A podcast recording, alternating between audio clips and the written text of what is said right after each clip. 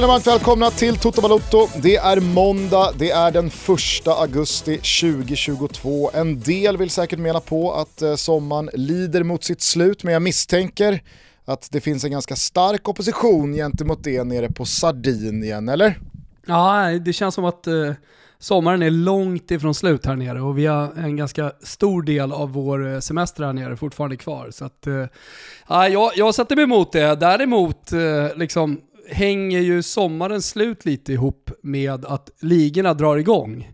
Och eh, jag får lite pulskänning här eh, redan på fredag när det är Cagliari Perugia i kuppen ja, ja, jag, har not, jag har noterat att Coppa Italia har, har, eh, liksom en del andra, DFB, Pokal och så vidare, smugit igång sina verksamheter. Men jag måste ju säga det också att eh, på det du nämner här så håller jag ju med dig att eh, det, det, är ju sammanlänkat att sommaren känns lite över när ligaspelen eh, börjar närma sig ute i Europa. Men den här sommaren så känns det också sammanlänkat med att damernas EM nu är slut sen igår. Att det där var också en liten slutpunkt på fotbollssommaren. Ja men exakt. Eh, det, det, det, så har det ju varit eh, definitivt. Men det finns ju någonting, det, det, måste du hålla med om, det finns ju någonting otroligt charmigt med att gå på kuppomgång 1. För uh, nu är givetvis uh, den engelska ligacupen och FA-cupen är, är, en lång historia med alla de bra lagen också som går in relativt tidigt. Men Coppa Italia till exempel och, och andra inhemska kupper drar ju först igång, alltså blir ju intressant i kvartsfinaler. Eller i alla fall då i åttondelsfinaler. Så att det är långt kvar när vi börjar prata Coppa Italia, men det eh, känns som en delikatess med eh, Coppa Italia omgång ett. Men eh, du ska gå på matchen eller? Ja, ja, självklart. Ja, för fan. Jag bor ju här eh, en halvtimme ifrån eh, arenan, så att eh, jag ska bara pipa in på fredag. Jag såg på, jag såg på Instagram här i, i, i dagarna att uh, du eh, delar ö för tillfället med en viss Zlatan Ibrahimovic. Mm, har, uh, är... har ni sprungit på varandra och luftat lite tankar kring Bayerns akademier och, och så vidare? Nej, inte än. Vem vet? För du menade väl ändå på att ni fick lite lina när han var och besökte Bayern för något år sedan? Men, alltså, du, du, kan ju få en, du kan ju känna en bra kemi eller en dålig kemi, alldeles oavsett om det är en person som du aldrig har träffat tidigare och i synnerhet då en person som eh, Zlatan Ibrahimovic som är mer en figur och jag vet inte, svårt att ta på eh, snarare än en person. Men där kände jag den genuina Zlatan, jag kände kemin under de två minuter vi samtalade. Här finns det någonting. Så, eh, Tror du han kommer ihåg dig? Eh, jag vet andra poddar har pratat om så här, hur, hur lämnar man ett avtryck? Jag tror att det var eh, Alex och Sigge som, eh, Sigge skulle göra någon intervju med någon skådespelare inför ett stort släpp av en eh, stor film. Och eh, eh de diskuterade liksom hur, hur lämnar du ett avtryck på eh, två och en halv minut, eh, minuts intervju, det du får. Eh, jag gjorde inget försök till att liksom lämna den typen av intryck, utan jag, första tanken var ju bara att så här, äh, men nu, nu, nu ska jag få honom att lyssna på mig i alla fall lite grann. Så att, eh, bra kemi kan jag väl liksom, det, det, det kan jag väl lämna det mötet med och, och ändå känna mig glad över. Ja, men ni har inte linkat upp igen på Sardinien i alla fall? Gamla goda polare emellan? Nej, fyra timmar emellan oss tror jag, så att, eh, det är en bit. Ja, jag fattar. Eh, du får väl chans att återkomma med dina intryck då från eh, Coppa Italia-matchen Cagliari-Perugia vad det lider, men jag tycker att eh, vi kan liksom inte börja där en sån här dag. Dagen efter EM-finalen på Wembley inför 87 192 åskådare vill jag minnas att det var.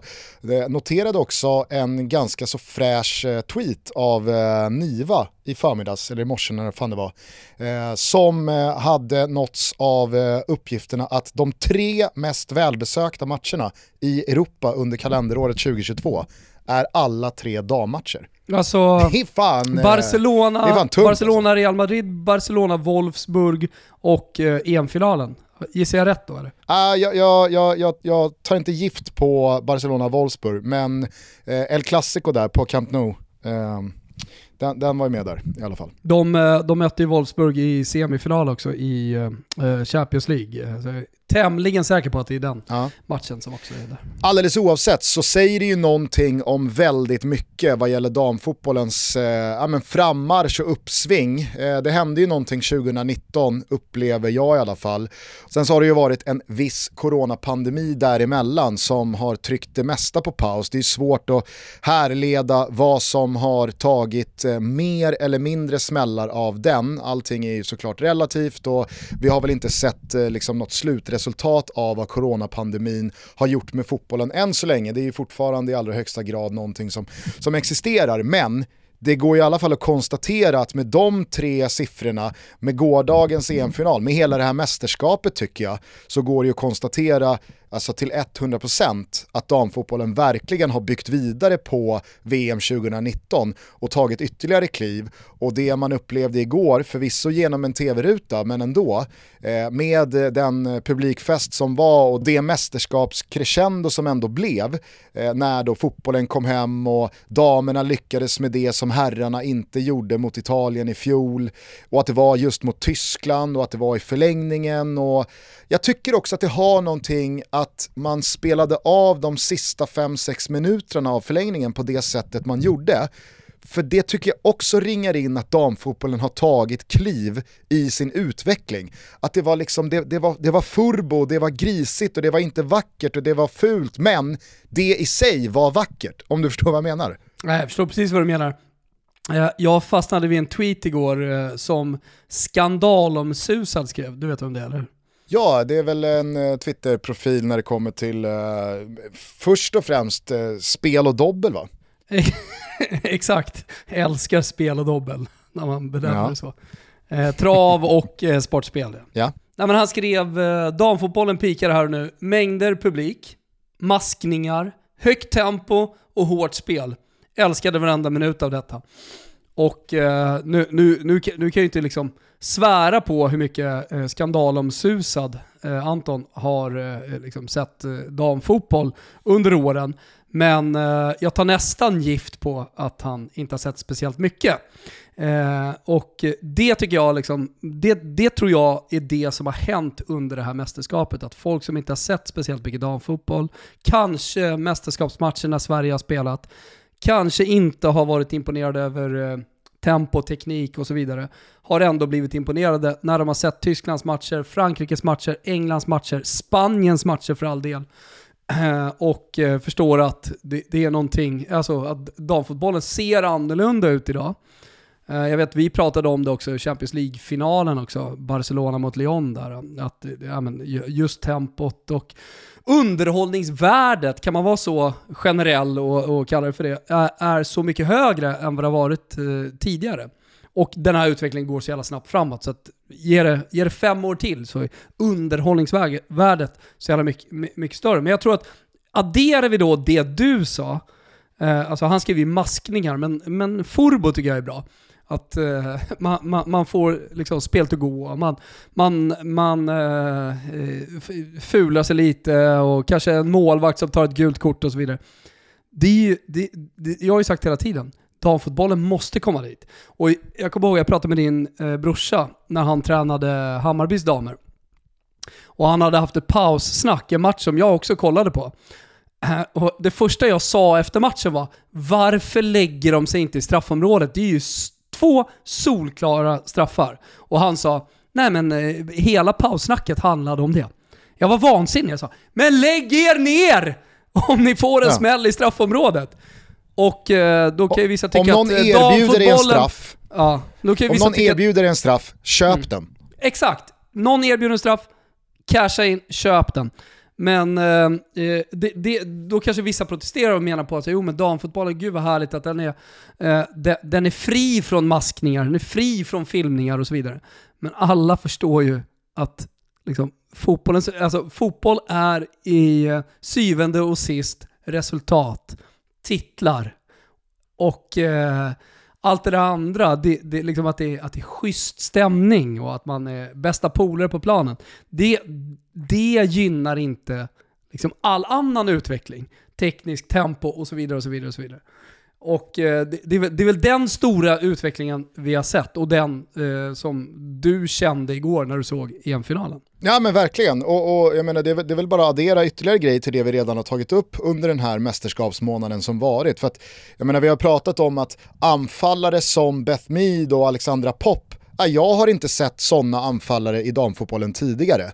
Eh, jag kan, jag kan liksom sträcka mig så långt så att liksom Ella Tunes 1-0 igår, alltså det målet har inte jag sett eh, i damfotbollen någonsin. Alltså en, en 40 meters smacka som skär igenom två lagdelar i en perfekt tajmad löpning. En målvakt som kommer ut men en anfallare som uppfattar det som att äh, men här får jag ta chippen på halvvolley. Sen är hon, ju, chippen från, från, sen är hon ju för kort eh, ute. Alltså hon ska ju vara längre ut tidigare. Det, det, det kan vi vara ärliga och säga. Visst, men du fattar vart jag vill komma. Jag, jag, vill, jag vill, liksom så här, jag vill hylla Tunes eh, tekniska utförande i Alltså det, det, kreativa här, hur man tar chippen med full kontroll på halvvolley från straffområdeslinjen, lyfter den över målvakten in i, i, i, i bortre burgaven. Alltså det målet var liksom så här, alltså det här, det, här, det här är en klass som inte jag har sett förut.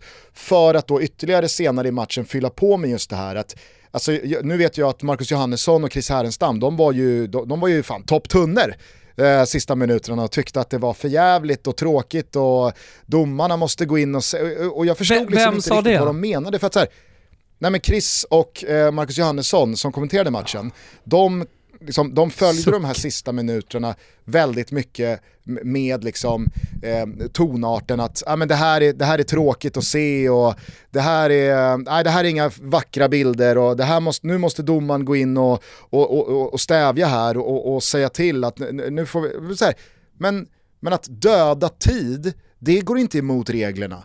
Man får väl stå hur mycket man vill nere vid hörnflaggan och fixa inkast på inkast på frispark, på att bara liksom, ja men, stå i vägen för bollen och aldrig få igång något tempo, de kommer inte därifrån och så fort man vinner bollen, ja men då går man tillbaka till hörnflaggan.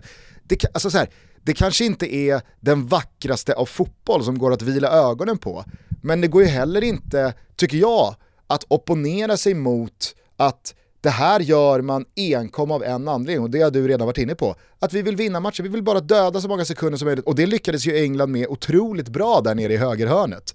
Eh, på det så finns ju det här som du då nämner att ja, men alla ska vara bästa polare. Hon Chloe Kelly, hon springer ju runt och hetsar och gidrar och ska liksom mucka gräl och vill ha en reaktion från någon så att det ska bli ännu mer eh, palaver och ännu mer tjafs och ännu mer tid som spills. Eh, jag, jag, jag, jag, tyckte att det var, jag tyckte det var så jävla uppfriskande. Mm. Nej, vi behöver inte fastna där. Eh, men jag, jag, jag, tänker också på hur, hur de här ungdomsmatcherna som jag har sett nu, Gotia Cup, Frankrike, Italien och sådär, sett ut på, på flicksidan.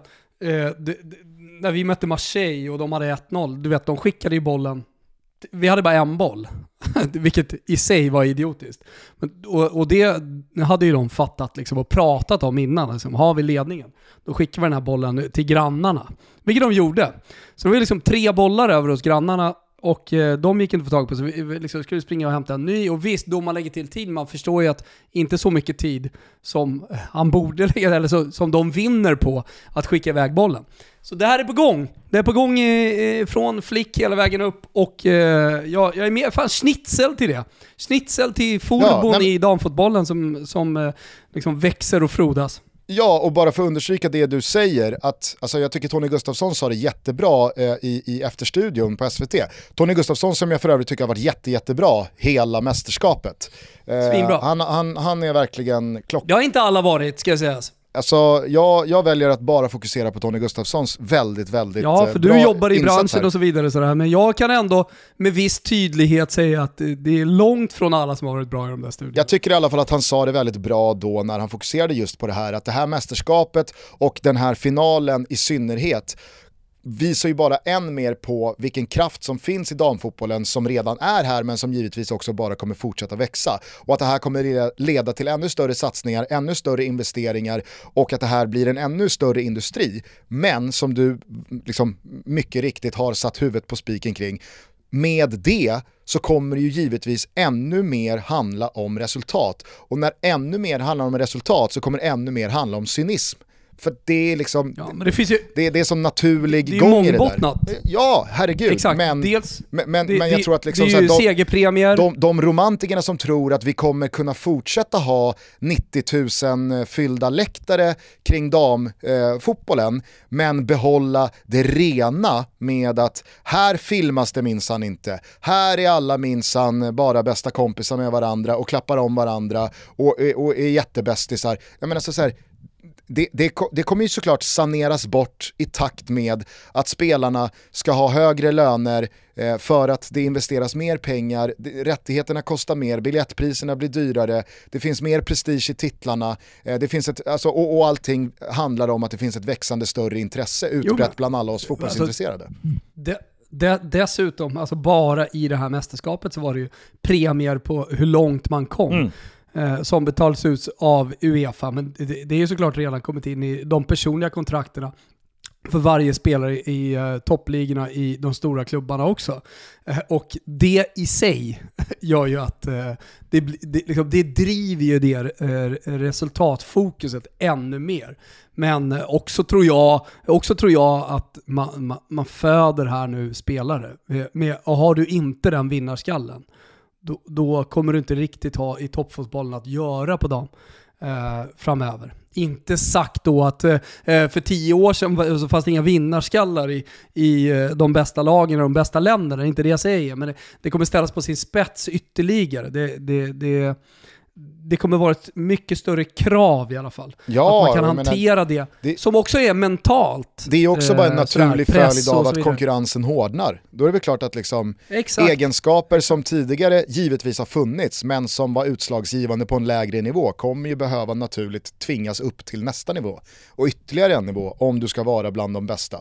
Men jag skulle bara säga det på, på, på det du nämner där, det var ju så jävla uppfriskande och befriande tycker jag. När, jag vet inte om det var en, en artikel som jag läste på Fotbollskanalen eller Expressen, eh, men eh, det var någon, någonstans därifrån i alla fall, eh, så, så var det liksom reportern som eh, upplyste Johanna Rytting Kaneryd, lite av Tuttos gumma under det här EMet ändå, eh, i alla fall liksom eh, contentmässigt, innehållsmässigt. Eh, det, det var någon då reporter i alla fall därifrån som upplyste Johanna Rytting Kaneryd om att hon har spelat in en halv mille nästan under det här mästerskapet och hon hade ingen aning. Nej. Är det sant? Typ, Ja, är det Safayoy Punk? 426 000 eh, har du eh, liksom eh, löst hittills. Och det här tror jag var innan Englandsmatchen.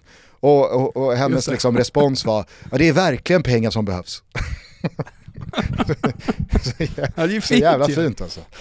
Eh, Vunnit på Lotto liksom också. Ja. Eh, jag ska bara säga det innan vi bara liksom stänger eh, damernas EM och gratulerar England, att var det någonting man verkligen tyckte var tråkigt och som jag verkligen kände så här, nej, det här, det, här, eh, det, det här känner ju till och med jag att så här ska det inte behöva vara. Det är ju då när Alexandra Popp, även fast man inte har speciellt mycket över för Tyskland, det vet ju alla ni som har lyssnat på den här podden länge, men alltså när en skyttekung eller skyttedrottning då i det här fallet tvingas lämna uppvärmningen för någon liksom pittig jävla muskelskada och eh, får följa matchen från, Jag eh, dog i från finalen. läktaren. Ja men det, det blir ju lite så, alltså, jag, jag, jag, menar, jag kan tycka att det, det blir, eh, det, det, det lägger en jävla trist sordi på stämningen. Eller i alla fall, eh, det, det- blir ju som någon slags asterisk bredvid matchen.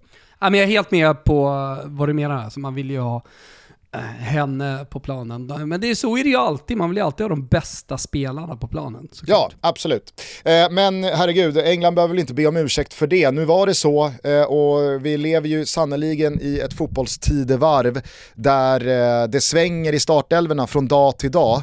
Eh, det räcker ju med att eh, det, det testas positivt på ett coronatest även fast man känner sig fullt frisk så kan man inte vara med. Eh, så att det där är ju liksom en verklighet som, som är, är lika för alla. Och det var väl, jag vet inte vad du säger, men en, en jämn match som absolut hade kunnat gå åt båda håll. Jag tycker ju dock att alltså, SVT summerade det väldigt bra i sin sändning, både från kommentatorshåll och studiohåll, att det här var lite Englands turnering från start till mål, även fast Tyskland, Frankrike och kanske något lag till eh, verkligen eh, har ha gjort det bra också. Men att England verkligen satte pricken över i här. Ja, nej men exakt. Alltså jag tror att hur man än vrider och vänder på det här mästerskapet så är det de två bästa lagen som är i final. Och jag tror att det är ganska sällan, om jag tänker tillbaka på herrmästerskap, att, att, att det är så. Alltså det, är alltid, det är alltid något lag som har liksom krånglat sig vidare från straffläggning. Ett bättre lag, så att säga. Ett lag som har sett bättre ut eh, under matcherna, fler chanser och sådär, har åkt ur.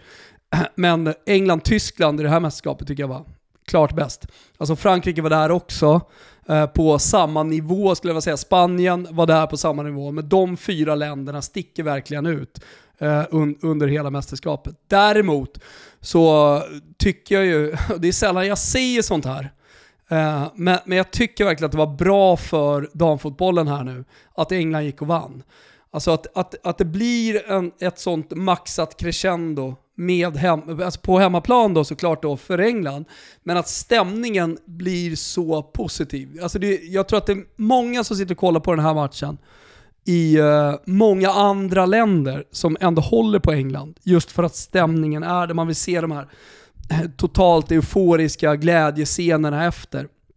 Uh, och här skapas ju också lite legender. Uh, här, här, skapas ju idoler då uh, för yngre. Jag läste här nu på Expressen om den vilda festnatten. Alltså de här tjejerna är coola, de, de lockar intresse. Och det, det, det, tycker jag också damfotbollen behöver yt, alltså ännu mer. Just, just det där, eh, mm, ja men, eh, dyrkandet av stora idoler det tycker jag inte riktigt har funnits sedan Birgit Prins tid och Hanna Ljungbergs tid. Sen har ju de också såklart varit idoler. Hela vägen fram via Nilla Fischer och alla de som har gått i bräschen för damfotbollen. Men just de här som inte ens behöver gå, alltså de behöver inte gå i bräschen i media. Utan de behöver bara gå ut på planen så går de i bräschen. Eh, de behöver bara gå ut på planen och spela sin fotboll. Så älskar alla unga att titta på dem och eh, de idoliserar dem. Alltså det, det, det, dit har vi kommit och där känner jag inte att vi har varit tidigare. Eh, men eh, om du nu tycker att det var bra för damfotbollen i stort då att eh, England vann så är väl ändå min tolkning av hur du har skruvat lite på dig den senaste tiden och en hel del andra att det, det, det kanske också blev en påminnelse om att Sverige har blivit lite ytterligare frånåkta där uppe i, i, i toppen av en del länder, däribland då England som verkligen maxar i sin satsning. Ja, och det, det, det, har alla sett och det, det, har vi pratat om, men, men det, det som händer nu också, att det här sker i England, att det är de som vinner EM-guldet och eh, att eh, liksom, i England så blir de stora idolerna de, eh, de engelska spelarna. samtidigt som Women's Super League satsar mer än någonsin. Liverpool gick precis upp från Championship, City är redan där, United är där, Chelsea där, Arsenal där. Eh, klubbar som tar pengar från herrverksamheten för att finansiera också sin damverksamhet. Och kommer fortsätta göra så, vill göra så, tror på produkten, vet att det här, gör vi de här satsningarna nu så kommer vi tjäna på det i slutändan om man nu vill då vara, eh, vara sån. Alltså de är entreprenörer inom fotbollen just nu. De tror på en produkt eh, och de satsar jävligt hårt på det just nu. Uh, och då, det kommer de såklart, eh, det kommer de eh, såklart vinna extremt mycket på. Satsar du nu Eh, då, då kommer du kunna leva på det här under jävligt lång tid framöver.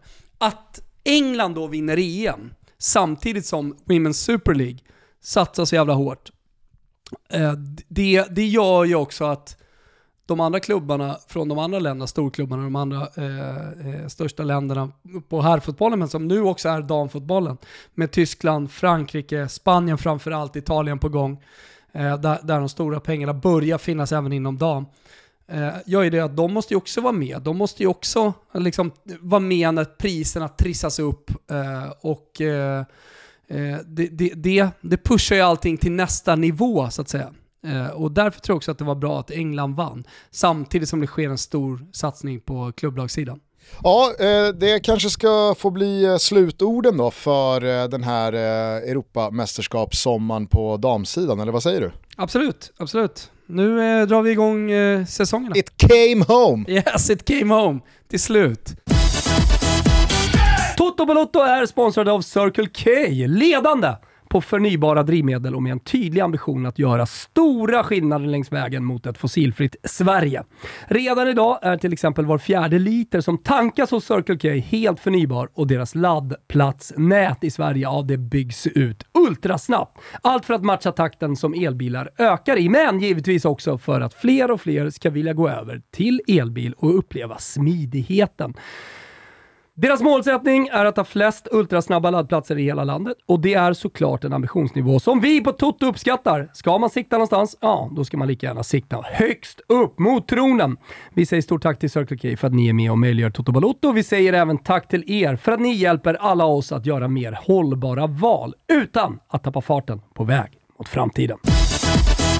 Eh, jag vet inte eh, vilka mer eh, nedslag du vill göra här. Jag har ju liksom kombinerat de senaste dygnen med då liksom hur man lever i Visby och på Gotland i slutet på vecka 30 med då att jag vill liksom ja, men, sätta tänderna i så mycket fotboll som möjligt nu när den rullar igång igen. Det har ju varit en, en, en, en svensk fotbollshelg eh, precis som vanligt men Eh, det har ju också varit framförallt då en, en supercuphelg eh, i, eh, i Europa. Eh, med kanske framförallt då Manchester City mot eh, Liverpool. Ja, men ihop Eller Liverpool-Manchester City. Ja, ihop med att eh, de stora träningsmatcherna har dragit igång ute i Europa. Så man har, man har slutat möta lokala dynggäng från alpdistrikten och börjat möta stora lag. Ehm, och eh, vi är, ja det är till och med genrep för de engelska lagen. Eh, som går in i Premier League nästa helg. Så att, det är på, på, på alla sätt. Ja, de titelutmanande Tottenham klädde Mourinhos Roma av. Klädde Fullständigt. av och klädde av. Jag såg faktiskt hela den matchen. Nej, det gjorde de väl kanske inte. Eh, I alla fall inte på samma sätt som Arsenal klädde av Sevilla. Herregud vilken jävla överkörning alltså. Arteta verkar trycka plattan i mattan här från start med sitt Gunners. Men den stora matchen då eh, från engelskt håll, givetvis då Charity Shield eller Community Shield, eh, supercupen då i England.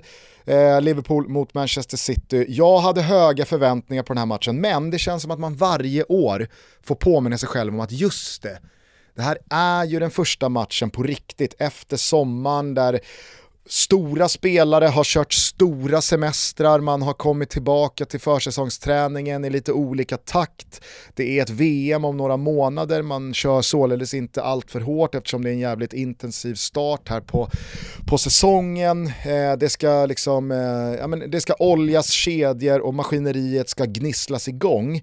Eh, och det, det, det var ju sannerligen en, en eh, påminnelse om detta i år igen, för att jävlar vad, vad hackigt det var, mycket felpass och många tekniska misstag och otajmade löpningar och osynk i kombinationsspel och nu fick väl Erling Haaland eh, klä skott för det här kanske allra mest eh, eftersom alla hade så extremt höga förväntningar på honom direkt här från start. Eh, men jag tycker överlag att det var liksom, just det, det, det är inte bara att trycka på en knapp och så är alla i liksom slutspurtsfas igen. Ja, men jag håller med. Eh, och sen att han missar öppet mål, drar ner ribban. Eh, det känns ju bra eh, för alla amatörfotbollsspelare där ute som har missat stora chanser någon gång. Att även eh, den store norrmannen kan missa ett sånt läge. Mm. Alltså, jag, jag reagerade nog mest på avslutet han gör i första mm. halvlek när han får ett inlägg mellan mittbackarna, går upp helt ren från två meter. Adrian står kvar på linjen och det är bara att liksom sätta dit pannan och, och nicka in 1-1 är det väl då. Men han väljer istället att liksom hoppa upp i luften och sätta sig i ett slags längdhoppsläge. Ja. och bollen bara träffar honom istället. Nej, det, jag påminner liksom... om att han är ung fortfarande. det, var så, det var så jävla liksom semesterfirar-avslut. Ja, det såg inte fotbollsmässigt ut. Mm. Men eh, jag måste ju säga att jag dels imponerades av eh, Julian Alvarez eh, inhopp eh, Eh, för Manchester City. Jag tycker han kom in eh, och såg skarp och, och, och tajmad och, och, och vass ut.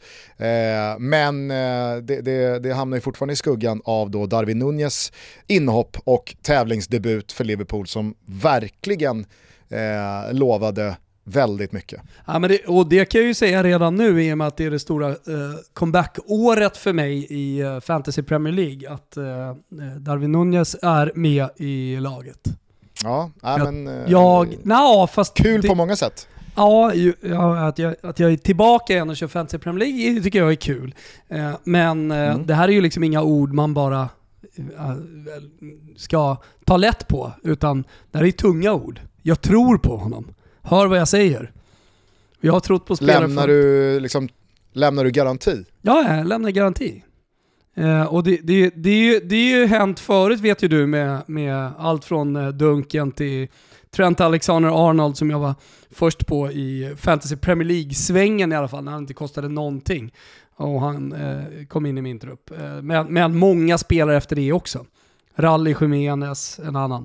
Verkligen. Nej men eh, eh, jag, jag, jag, jag, jag är nog eh, i din eh, tunnelbanefyra här. Mm. Jag sitter på, på det tåget i den vagnen också. Ah, det var ett jävla klassinhopp som, som osade otroligt ah, mycket. Och jag tycker också att Liverpool har, liksom, de, de, har, de har slussat ut den här tidigare så givna trion som var helt liksom omutbar och, och, och, och, i det ganska skör för en skada eller en förändring. För det blev så tydligt när då Salah, Mané och Firmino var som mest inoljade, att det var de tre.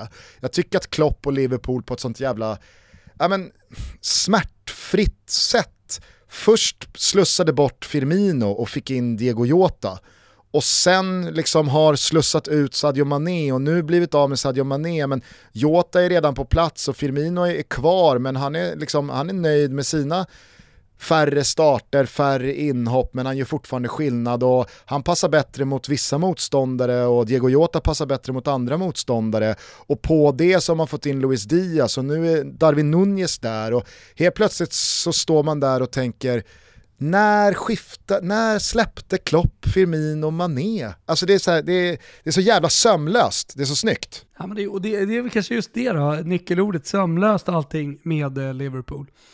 Eh, det har blivit så. Alltså de, de behöver inte göra om hela laget inför varje säsong för att fortsätta vara slagkraftiga. De tappar nyckelspelare, men det spelar, det spelar liksom ingen roll. Sömlöst över till några Nej. andra gubbar som bara går in i det där laget ja. och megapresterar. Det är sällan, det man, man har sällan sett det eh, på den här nivån. Och då pratar jag fotbollshistorien. Det är uppvisning. Eh, lite senare under eh, lördagskvällen så var det ju eh, också dags för den tyska supercupen. Eh, där blev det lite fler mål eh, än de fyra som föll i eh, Leicester, King Power Stadium var det va?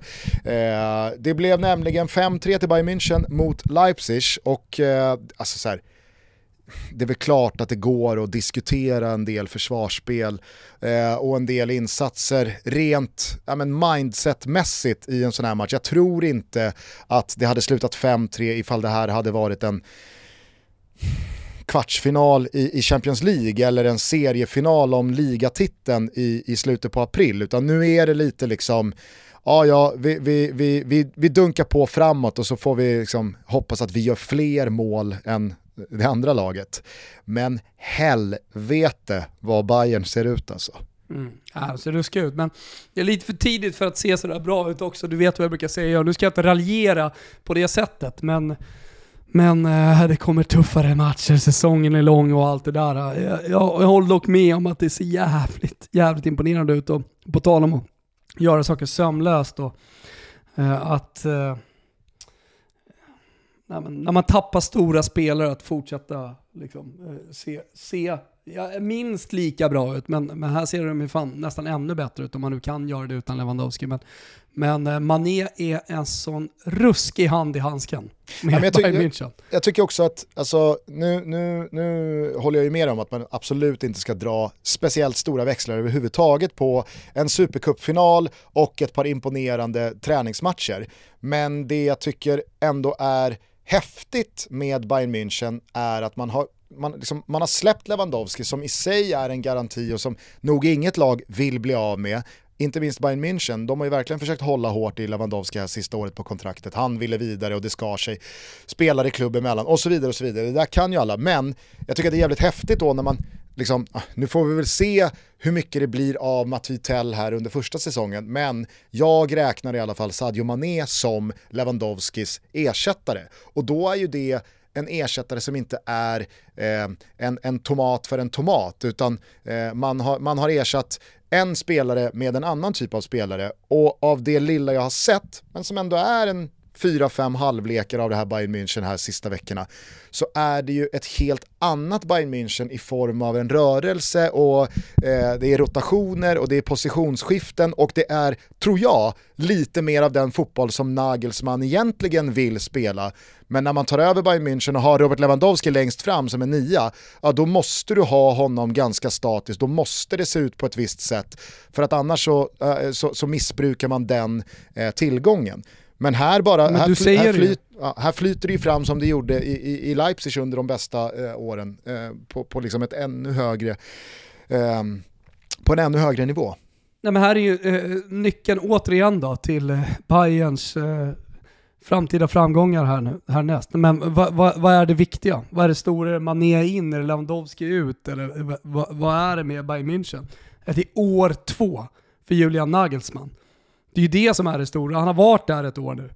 Han har, eh, man, man glömmer bort det. Det känns hela tiden som att Nagelsmann är så rutinerad, erfaren, eh, varit på ett ställe väldigt länge och sådär. Alltså det är en säsong han har varit i Bayern München. Så att det, det, det, det, det, det om något, om man nu tror på Nagelsmann, men jag väljer att göra det. Jag tror att han är en stor tränare och jag tror att han kommer vara i Champions League-finaler och jag tror att han kommer fortsätta utveckla fotbollen. Jag tror att man kommer titta på honom om många år och, och se honom som en av de största tränarna eh, som, som har vunnit väldigt mycket. Eh, och om man då köper in sig på det och väljer att tro på honom så är detta alltså bara år två för han i Bayern München. Så eh, det du ser med rotationer som eh, får eh, Backes pitt att stå och så vidare, alltså det är ju, eh, det är ju eh, utvecklingen här. Och det är därför man ska tro på Bayern München in, inför den här säsongen. Vet du vilket annat år två som eh, jag blev eh, lite, lite upprymd av igår kväll? Nej, Messis andra säsong här nu i PSG. lite gåshud ändå eller? Ja men alltså faktiskt, jag, jag, jag, jag rundade av söndagskvällen med då att eh, kika in PSG mot Nantes i den franska supercupen då. då. Eh, spelades av någon jävla märklig anledning i Tel Aviv. Eh, det, ja, ja, fråga mig inte varför, eh, det har jag faktiskt ingen Ja, aning om. Spelas matcher på väldigt konstiga platser nu för tiden. Jo, så är det väl, men jag vet inte, alltså så här, känner du direkt när jag säger att matchen spelades i Tel Aviv, alltså så här sportswashing-grejen, som man direkt fattar när någonting spelas i liksom Saudiarabien eller Qatar eller Kina? Nej, det kände jag inte. Nej. inte alls. Och då vet jag inte riktigt så här, och, och, om det inte är av den anledningen, då har jag liksom ing, jag, jag har ingen aning.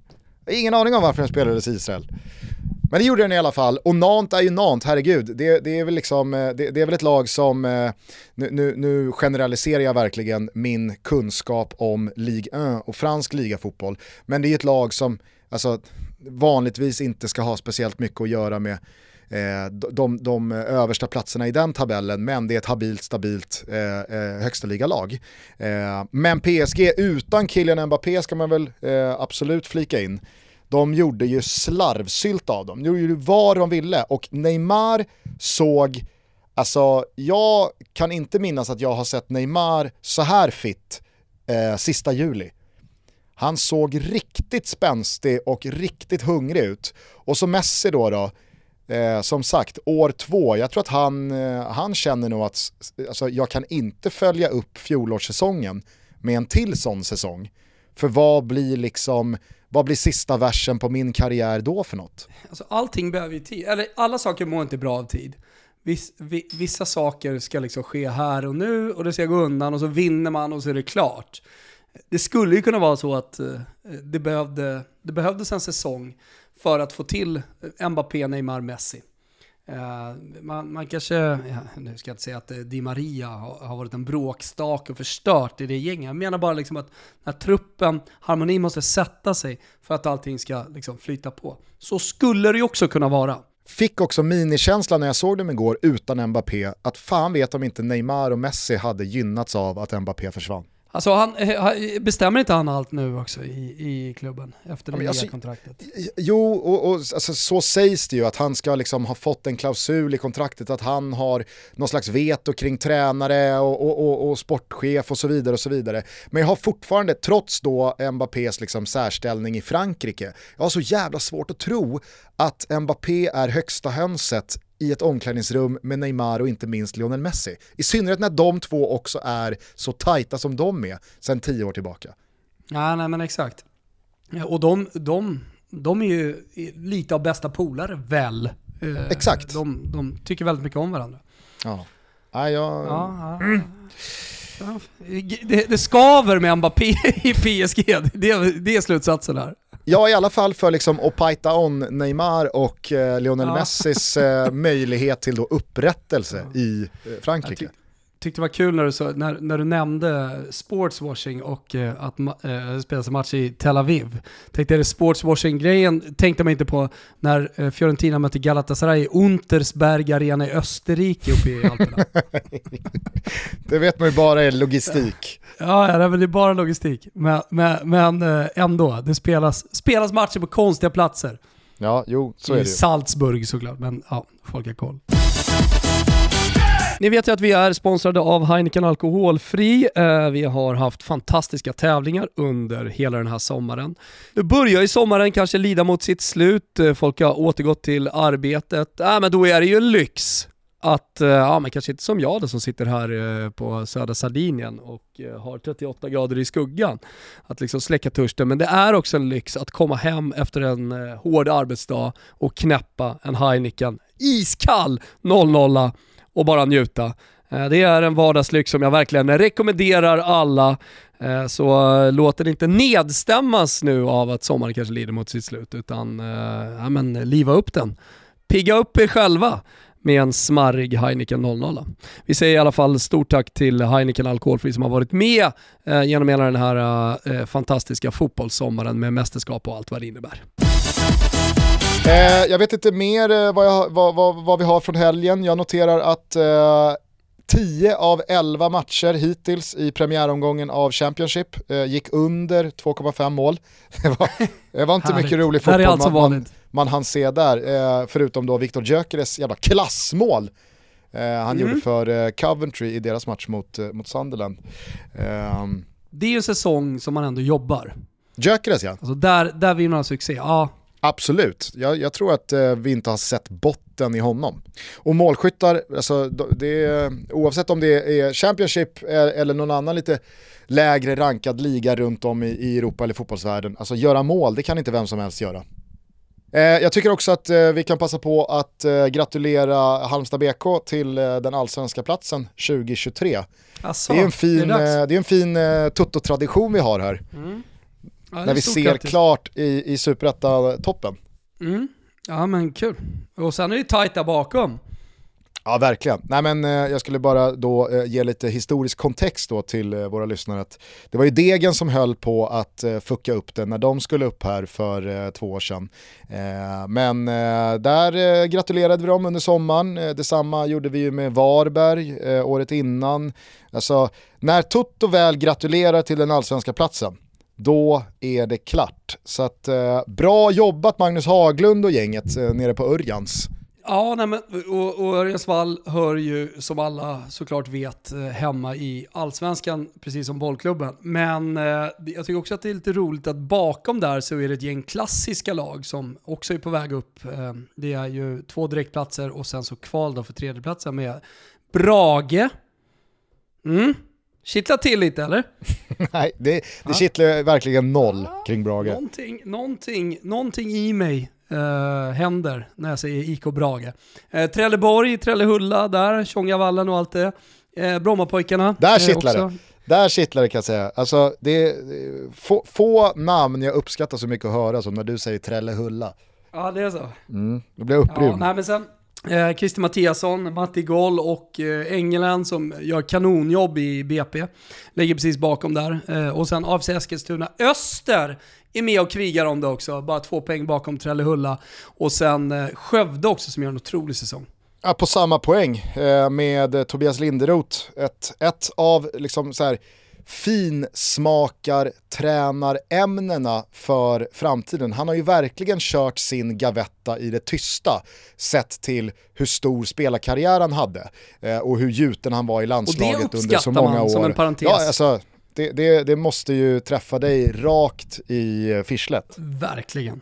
Nej, men så det är väl en fin, fin superetta vi har där under allsvenskan. Noterar också att Örestjärt ligger på nionde plats.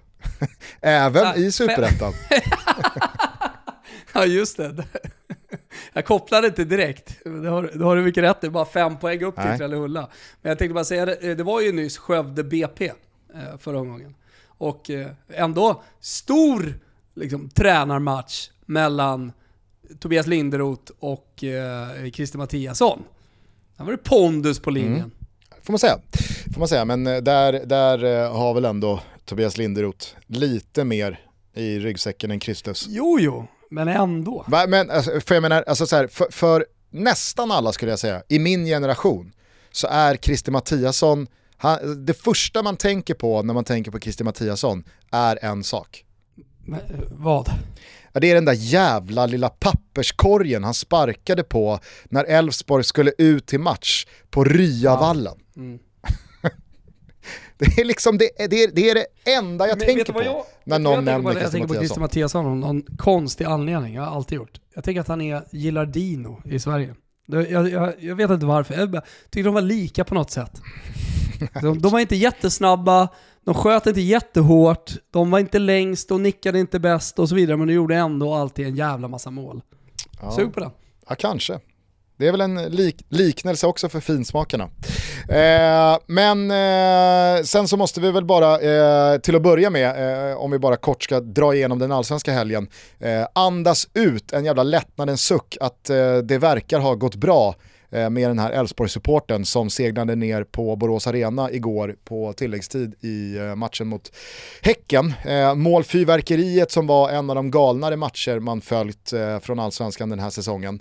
Det, det, allting liksom bara kastades ju ut ur fönstret när det där skedde och så visste man ju inte riktigt liksom hur det skulle sluta i och med att när matchen tar slut, ja men det, det, man har litat på lite för snabb information förr och gått bort sig. Men eh, när den officiella kommunikationen ändå eh, tydliggjorde att det, det verkar ha gått bra här, då, då, då, då kändes det i alla fall som att det, det, det viktigaste slutade väl. Ja, men schnitzel då till hela agerandet runt. Jag läste om det också, helt otroligt. Det var ju två stycken intensivsjukvårdare som stod i klacken. Som jag förstår det som eh, alltså Elfsborg-supportrar. Som eh, jobbade på eh, intensiven bara. Eh, så de var ju snabbt framme och sen så snabbt med ambulans och, och han eh, till eh, eh, väldigt fort också. Så att, eh, Ja, men jag tycker också spelarna var så jävla påkopplade. mm, exakt. Bra Alltså, de, beslut uppfattade, också. de uppfattade allvaret i situationen så jävla omgående och det var liksom, här finns det inte liksom 30 sekunder av förvirring att spilla.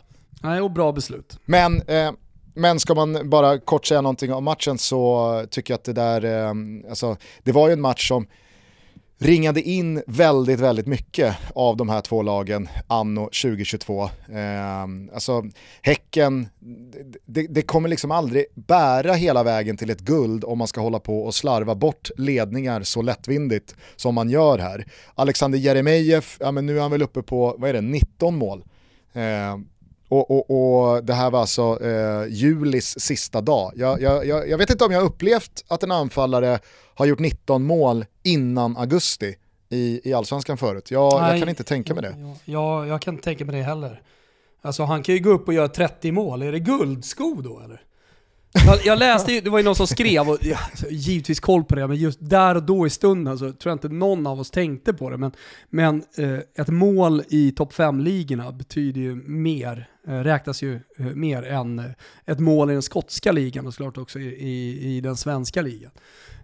Så, så att man måste ju bomba in mer mål i Celtic som Henke Larsson gjorde än väldigt många fler mål än, äh, än spelare i Bundesliga till exempel. För att man ska vinna. Ja, men det är väl, alltså, så här, det är väl, det är väl, det är väl 1,5 eh, i de Ah, stora, Mm, mm. eh, de, de sex högst rankade eh, och 1,0 i, i övriga. Tror jag. Eh, det var i alla fall det eh, på, på Henkes tid. Eh, men, eh, och jag, ska, kanske ska rätta mig själv här, 18 mål står Jeremejeff på, eh, i alla fall i den skytteliga som jag tittar på just nu. Men Elfsborg då, alltså så här, de, de, de fortsätter att inte vinna matcher på det har man tappat några gubbar här. Ah, ja, ja, ja, fan, vi, vi var ju lite, lite småimpade av Jimmy Tillin tillsammans med Axén i, i början av sommaren. Men eh, efter det har det inte hänt mycket, det har inte blivit många poäng in på kontot. Däremot så fortsätter ju Mjällby sitt jävla segertåg, sin oerhört övertygande säsong. Eh, när det bollades upp i kölvattnet då efter vårt avsnitt senast där, eh, att några eh, ringar in brännan som eh, ett förmodligen väldigt hett spår för Malmö FF så kände jag direkt att så här, nej, det kan väl fan inte, nej. Men ju mer jag har tänkt på det liksom, Ja, men det är ju den typen av prestationer. Vi pratar om Gavetta, eh, Linderoth som eh, går via Skövde, gör det bra i Superettan och sådär. Även om Brännan har varit ett namn i, liksom, ja, som man har pratat om till många av de stora klubbarna eh, de senaste åren och sånt där. Så, så måste man ju lyckas i klubben, måste göra någonting exceptionellt, någonting utöver det vanliga. Det, det, det, det, är, det är samma sak med en tränare. Alltså det är ju resultaten som måste få tala eh, för att man ska bli aktuell för de absolut största uppdragen. Men jag är ändå inte förvånad att man pratar om honom. Nej, eh, och herregud, jag säger inte att det kommer sluta med, med brännan. Jag säger bara att med några dagars liksom, marinering i mig så har brännan gått från högst, liksom, så här, ja, men det är bara något namn som någon kastar ur sig, till att jag mer och mer känner att ja, alltså, ska, man, ska, man, ska man rycka någon tränare inom liksom, den, den svenska kåren, det svenska skrået, så är han nog ganska, alltså förmodligen högt upp eh, på någon form av shortlist. Och jag tror inte att han är omöjlig att lösa från en allsvensk konkurrent i form av Mjällby. Men, det, liksom, vad, vad, vet jag? Men det snackades ju mycket om Högmo också ju, eh, här, att det fanns utköpsklausul, att man skulle kunna ta honom under säsong också, vilket jag tycker alltid den typen av övergångar är så jävla märkliga och undrar hur de, hur de ska bli bra. Mm. För allt man har byggt upp i den klubben och det, det, det, är, no, det är något slags svek också och man tar ju ändå med sig det sveket in i den nya klubben. Att här kommer jag, jag svek min förra klubb men jag vill gärna vara hos er. Alltså det finns ju en lögn någonstans som man kommer med om man skulle göra den flytten, tycker jag. På tal om det så tycker jag att, eh, alltså nu, nu, känns det som att vi hyllar eh, Axén eh, i var och varannat avsnitt, men det gör vi också för att han är så jävla vass i Discoverys allsvenska sändningar. Det måste verkligen understrykas. Jag tycker att han är otrolig i liksom korta små stunder. Senast igår då, då kring eh, matchen bayern värnamo och eh, den situation som uppstått i Bayern kring Mohanad Yash, att eh, man alltså har stängt av honom internt för att han vill då bråka sig bort från klubben. Och om det då sa Axén så här. Vad tänker du kring det här? Att eh, man alltid går tillbaka på en spelare och kollar historiken. Då bråkar han sig till Mjällby, han bråkar sig från Mjällby till Hammarby. Då är det inget konstigt för mig att han kommer att bråka i Hammarby också för att komma vidare. Det är en sån typ av spelare. De finns överallt och det är liksom, så är det bara. Eh, så på det sättet är det inget konstigt för mig. Däremot så skulle man ju vilja nu att med Hammarbys alla pengar de har säga så här. Här har du ett liv i HTFF i två år, vi hörs. Det är det jag skulle vilja. Mm. För det kan inte en vara annan så... typ av frysbox så att säga. Ja, men det kan inte vara så att, att en spelare vill, vill göra något annat när man har skrivit på ett kontrakt. Utan du ska spela ut ditt kontrakt. Man måste vara så professionell. Sen att man vill någonting annat, det är något helt annat. Men du måste vara lojal mot det här laget som du gör. Skulle vi vända på det, att Hammarby hade sagt så här, ah, du får sticka nu. Då skulle han ha sagt, men jag har ju kontrakt, hade han sagt då. Mm. Det verkar inte gälla åt alla håll. Det är det som stör mig. Tyvärr har ju inte föreningar och lag den ekonomin att man kan göra så. Men jag skulle önska att, att man inte släpper efter sådana här spelare. Utan då är det bara ner med dem och sen vi hörs liksom. Mm. För så här får det inte hålla på. Jag tycker, jag tycker, att situationen, även om det är en he helt annan situation ändå, eh, någonstans i fundamentet skulle vara lik om en tränare gick från en klubb till en annan under säsong. För det, där finns svek och sveket kommer tillbaka här. Varför skulle han inte eh, vara illojal mot oss när, när han kommer hit. Alltså, Nej. Man, man, Nej, man tar ju med sig det när man, när man reser vidare. Ja, och jag tycker att Axén verkligen liksom sätter huvudet på spiken där när han säger vänd på situationen. Alltså om Bayern på något sätt hade varit eh, missnöjda med Jash insatser och sagt du, du är så jävla dålig så att eh, vi vill riva ditt kontrakt. Vi, vi, vi pallar inte betala längre för den här skiten Då hade ju Jash från sitt håll sagt, nej men alltså jag har kontrakt, jag ska ingenstans, min lön ska fortsätta komma den 25. Det, det här är inget att snacka om. Men från spelarhåll så verkar det liksom så här, då, då, finns inte samma inställning att så här, ja men just det, ju, fan jag har ju skrivit på ett, jag har ju satt mitt, eh, mitt, mitt, namn här, min signatur på att jag ska göra ett jobb för den här föreningen och den här arbetsgivaren till det där datumet. Det är bara att gilla läget. Ja, absolut. Absolut. Men bara kort eh, om den matchen så måste jag också säga att eh, jag, jag, det, det, det, gladde mig när Marcus Antonsson bombade in 2-1 där på tilläggstid. Eh, in, inte, inte bara då eh, för eh, Marcus Antonsson som jag gillar, men också för Värnamo och Kim Hellberg som jag tycker har förtjänat mer poäng i de senaste matcherna än vad de har tagit. Och jag tycker verkligen att man hade blivit rånade på två poäng ifall den här matchen hade slutat 1-1. För jag tycker att det är en horribel straff som eh, domarna hittar eh, på, på Tele2 där igår. Eh, sen säger inte jag att liksom så här Bayern inte skapade lägen för att göra ett mål och, och, och spela oavgjort. Eller att de inte liksom hade förtjänat eh, en poäng, men straffsituationen i sig, det, det, det kändes bra att den inte blev eh, poängfördelande. Ja, eh, jag vet inte, med det sagt så har inte jag så jävla mycket mer jag eh, vill eh, lufta med dig. Nej, par, par grejer bara sådär korta. Eh, vi tackar Alvbåge som är stolt eh, Toto Balutto-lyssnare också för eh, härliga år på fotbollsplanen. Ja, han, han, eh, han hänger upp dem i björken nu. Det är närmsta björk vet du. De hänger där. Men, men vet, du vad, vet du vad jag kan ta gift på? Nej. Jag kan ta gift på att Alvbåge kommer bli den målvakt som 2023, alltså nästa säsong, tar ett korttidskontrakt när en klubb hamnar i skiten med någon långtidsskada, fönstret har stängt eh, och, och liksom, man, man, måste få in en keeper. Då är han där. Varför inte? Ja. Startklar. absolut, vi kanske känner eh, efter med honom sen när vi är tillbaka i studio och alltihopa. Eh, kollar. Det är det ena. Och sen så vill jag bara, bara känna på dig Gusten här. Alltså, är du med på vad Roma håller på att göra här nu med Vinaldum, Dybala, Sagnolo fortfarande kvar för att se vad som händer. Belotti eventuellt på väg in också som är ja, men alternativ till Abraham. Alltså är du med på vad det är de håller på med? Ja, jo det är klart att jag är med. Det är ju Scudetto alltså. Det är ju en Scudetto-satsning redan här och nu. Alltså, du förstår det? Alltså, vi pratade om det här för någon vecka sedan, tio dagar sedan. Att, eh, jag, jag, jag, tycker ju att det är en satsning som verkligen är eh, i en naturlig jo, jo, jo, följd av vad Friedkin har lovat och vad man ska kunna kräva år två här efter att första säsongen såg ut som den gjorde och att man har redan spräckt en, en, en, en titelnolla och, men jag menar, alltså First things first. bara first. känna på ordet scudetto tillsammans med dig. Det är väl Champions, Champions League-krav, och det var det länge sedan man kände. Ah. Ah, ja, ah, bara, bara kolla läget. Såg jag Gazettan hade rubriken där i alla fall. Roma, fyra drag för scudetton. Ja. Att, uh... Sen har jag ju väldigt svårt att tro att uh, Romas trupp när fönstret stänger kommer innehålla uh, både Belotti och Sagnolo. så att det... Ja, det är tajt om platserna. Alltså det, det, det, det, är ett, liksom, det är scudetto-konkurrens om platserna. Det är ju eh, allt annat man kan säga om eh, Juventus just nu som redan är in emergenza. De har så mycket skador och skit.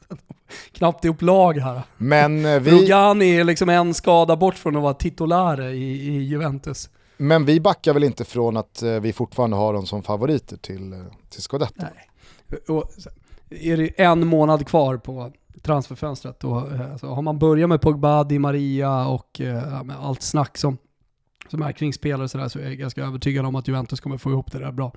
Eh, och sen kommer ju Pogba tillbaka vad det lider från den här knäskadan också. Men de måste ju hitta en lösning här och nu.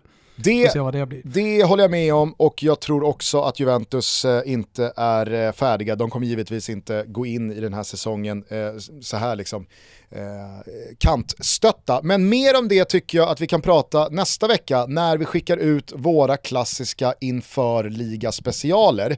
Det är ju lite speciellt den här säsongen då i och med att eh, Premier League drar igång redan första helgen här nu i augusti.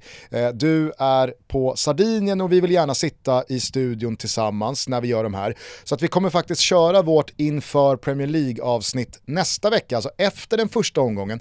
Kan ju också vara en delikat detalj att man har fått lite mer, ja men, lite mer kött på benen kring vissa lag och inte minst då vissa spelare under en premiärhelg innan man då eh, pratar om det som komma skall i ett makroperspektiv tillsammans med oraklet Jesper Hoffman.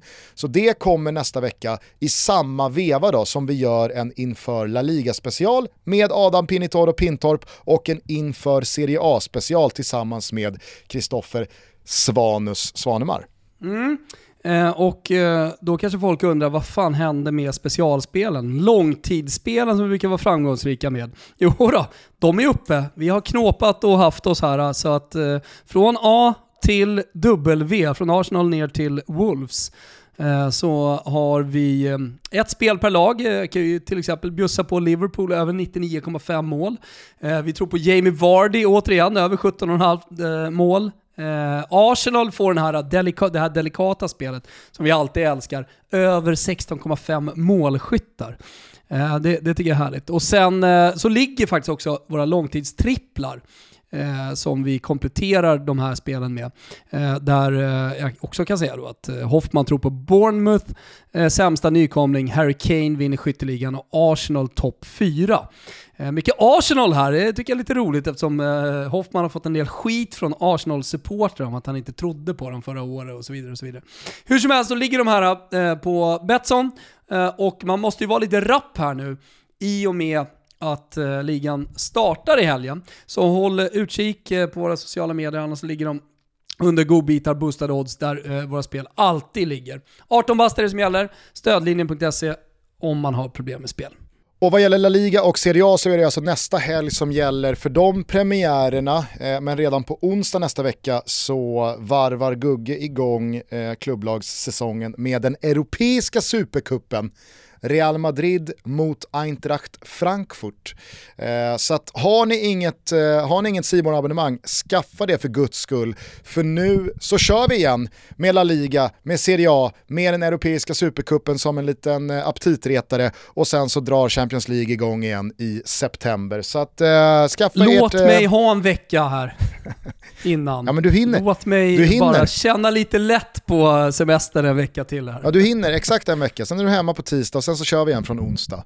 Så att, eh, ja, det, det är. För er som inte orkar vänta och vill eh, kolla obegränsat med bäckrullar fram tills att fotbollen drar igång igen så skaffa ett abonnemang på Simor utifrån behov och plånbok. Det finns eh, väldigt många eh, härliga alternativ där. Eh, med det sagt så tycker jag att eh, du ska hälsa dina tjejer i familjen. Du kanske ska ta dig en liten iknosa. Eh, just nu är det faktiskt en iskall Celsius som jag hittar här nere på, eh, på eh, Lidon. Eh, det är jävla trevligt när man springer rätt in i en Celsius. Den ger ju mig lite energi här inför eh, kvällen och så släcker en törs den och är väldigt god. Citron lime är det som gäller här nere på Sardinien. Nej men då så. Eh, och så kan du väl eh, fortsätta ha eh, härliga dagar på Sardinien. Kommer kom en alldeles för lång rapport från Cagliari Perugia, Coppa Italia omgång 1 på måndag jag tror nog att du ska hålla den till dina liksom, egna sociala mediekanaler. Ja, så kan det vara. Efter en full omgång Premier League så kanske... Exakt, Premier League premiäromgång, då tror jag inte att vi ska köra allt för långt segment Det skulle ju vara om, om Jao Pedro... Cagliari Perugia. Nej, det skulle ju vara om Jao Pedro skickar upp ytterligare en baroll, äh, boll till äh, frugan som äh, återigen är gravid och jag snor även den bollen. Då skulle det kunna bli blodigt. Ja, det är, det är, det är faktiskt Det finns ingen Ekdal här som medlar heller. Men alltså, eh, jag, jag, eh, han, han, blir kvar alltså? Nej, fan han är klar för Fenerbahce. Såg jag nu. Fan vad tråkigt. Ah, ja. Får sno en annan boll från någon annan jävel som skjuter upp den på läktaren. Du får sno hans fru. Ja, varför inte? Hon har hoppat runt mellan olika ultrasledare jag har hört. Eh, både nere på Sicilien och uppe i Milano. Så att, ja, man har hört en del skvaller här på Sardinien. Ja, nu hör ju jag att det börjar bli dags att stänga av. Så att, eh, vi, vi hörs igen om eh, några dagar, ta hand om varandra och eh, njut av den här versionen av eh, Kim Carnes gamla megadänga Oj. Betty Davis Eyes som eh, superproducent Kimpa Wirsén i detta nu rullar igång. Jag sprang på den här för några dagar sedan, blev fan i mig golvad. Eh, hoppas eh, några av er också hör eh, krispet och härligheten i den här versionen. Mm. Eh, ciao tutti! Ciao tutti!